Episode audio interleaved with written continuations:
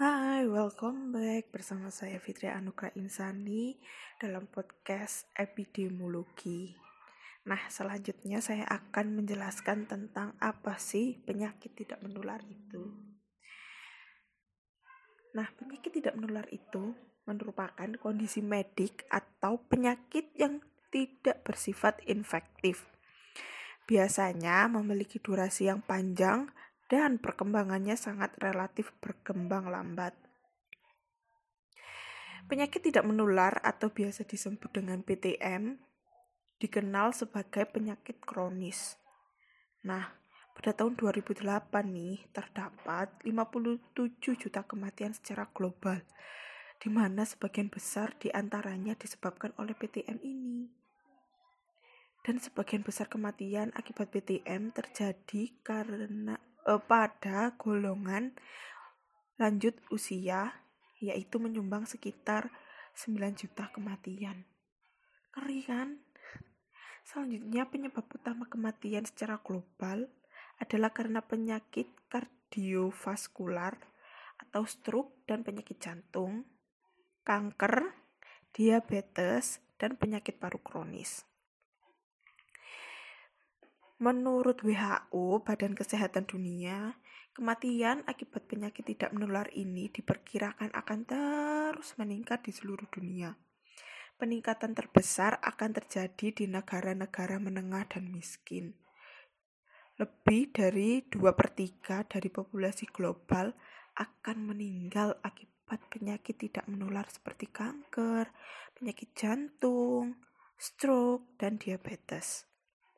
Dalam jumlah total, pada tahun 2030 diprediksi akan ada 52 juta jiwa kematian per tahun karena penyakit tidak menular.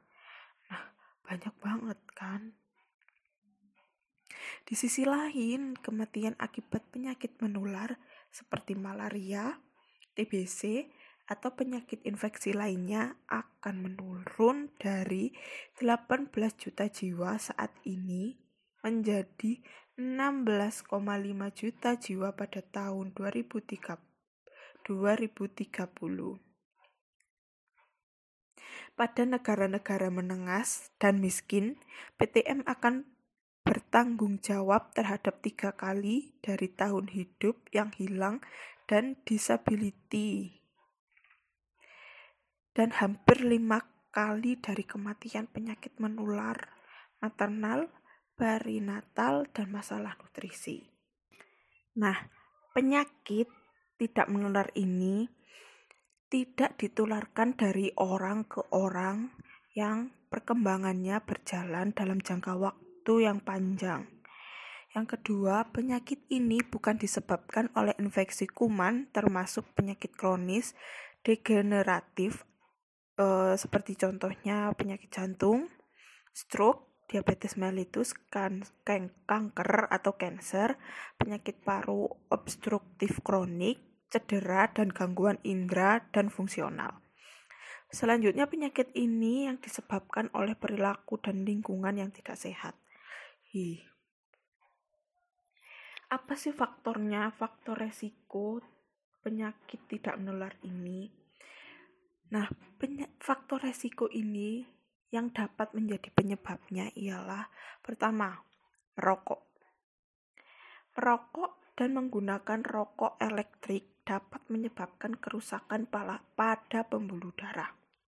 Yang kedua, yaitu kurang aktivitas fisik yang dapat menyebabkan penumpukan lemak dan mengurangi kebugaran tubuh.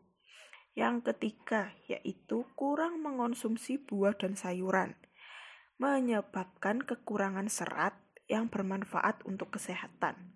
Yang keempat, konsumsi alkohol yang memiliki dampak terhadap kesehatan pada hati, ginjal, otak, dan lain-lain. Nah, selanjutnya yaitu jenis penyakit tidak menular. Apa saja sih penyakit-penyakit yang tidak menular itu? Yang pertama yaitu obesitas atau kelebihan berat badan dari berat badan yang ideal. Yang kedua yaitu diabetes. Apa diabetes itu? Yaitu penyakit gangguan metabolik menahun akibat pankreas tidak memproduksi cukup insulin atau tubuh tidak dapat menggunakan insulin yang diproduksi secara e-, efektif. Selanjutnya yaitu stroke. Yaitu kondisi ketika pasokan darah ke otak terputus akibat penyumbatan atau pecahnya pembuluh darah di otak, sehingga terjadi kematian sel-sel pada bagian area di otak. Selanjutnya yaitu penyakit jantung. Jantung koroner terjadinya penyumbatan aliran darah pada arteri koroner. Selanjutnya yaitu hipertensi. Ya, meningkatkan tekanan darah yang dapat menimbulkan kerusakan pada organ lain seperti ginjal atau gagal ginjal, jantung, dan otak yang dapat menyebabkan stroke tadi otak. Nah, selanjutnya yaitu kanker payudara. Yaitu adanya tumor ganas yang tumbuh di dalam jaringan payudara. Selanjutnya yaitu kanker leher rahim yaitu tumbuhnya sel-sel tidak normal pada leher rahim. Asma kelainan berupa peradangan kronik saluran nafas yang menyebabkan penyempitan saluran nafas.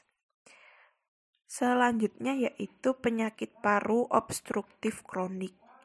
Adanya hambatan aliran udara di saluran nafas yang tidak sepenuhnya bisa kembali normal. Selanjutnya yaitu pencegahan. Apa saja sih untuk menyegah penyakit-penyakit tidak menular ini kita harus bagaimana? Nah, yang pertama yaitu perilaku hidup sehat seperti tidak merokok, konsumsi sayur dan buah lebih dari 5 porsi per hari. Kemudian, konsumsi garam tidak lebih dari satu sendok teh per orang dalam satu hari. Konsumsi gula tidak lebih dari 4 sendok makan per hari. Konsumsi lemak tidak lebih dari 5 sendok makan per hari. Aktivitas fisik minimal 30 menit per hari atau sebanyak 3 sampai 5 kali per minggu. Tidak mengonsumsi alkohol dan kendalikan stres. Yang kedua, yaitu lingkungan yang sehat bebas polusi udara, kendaraan yang layak jalan, fasilitas umum untuk aktivitas fisik seperti tempat bermain dan olahraga.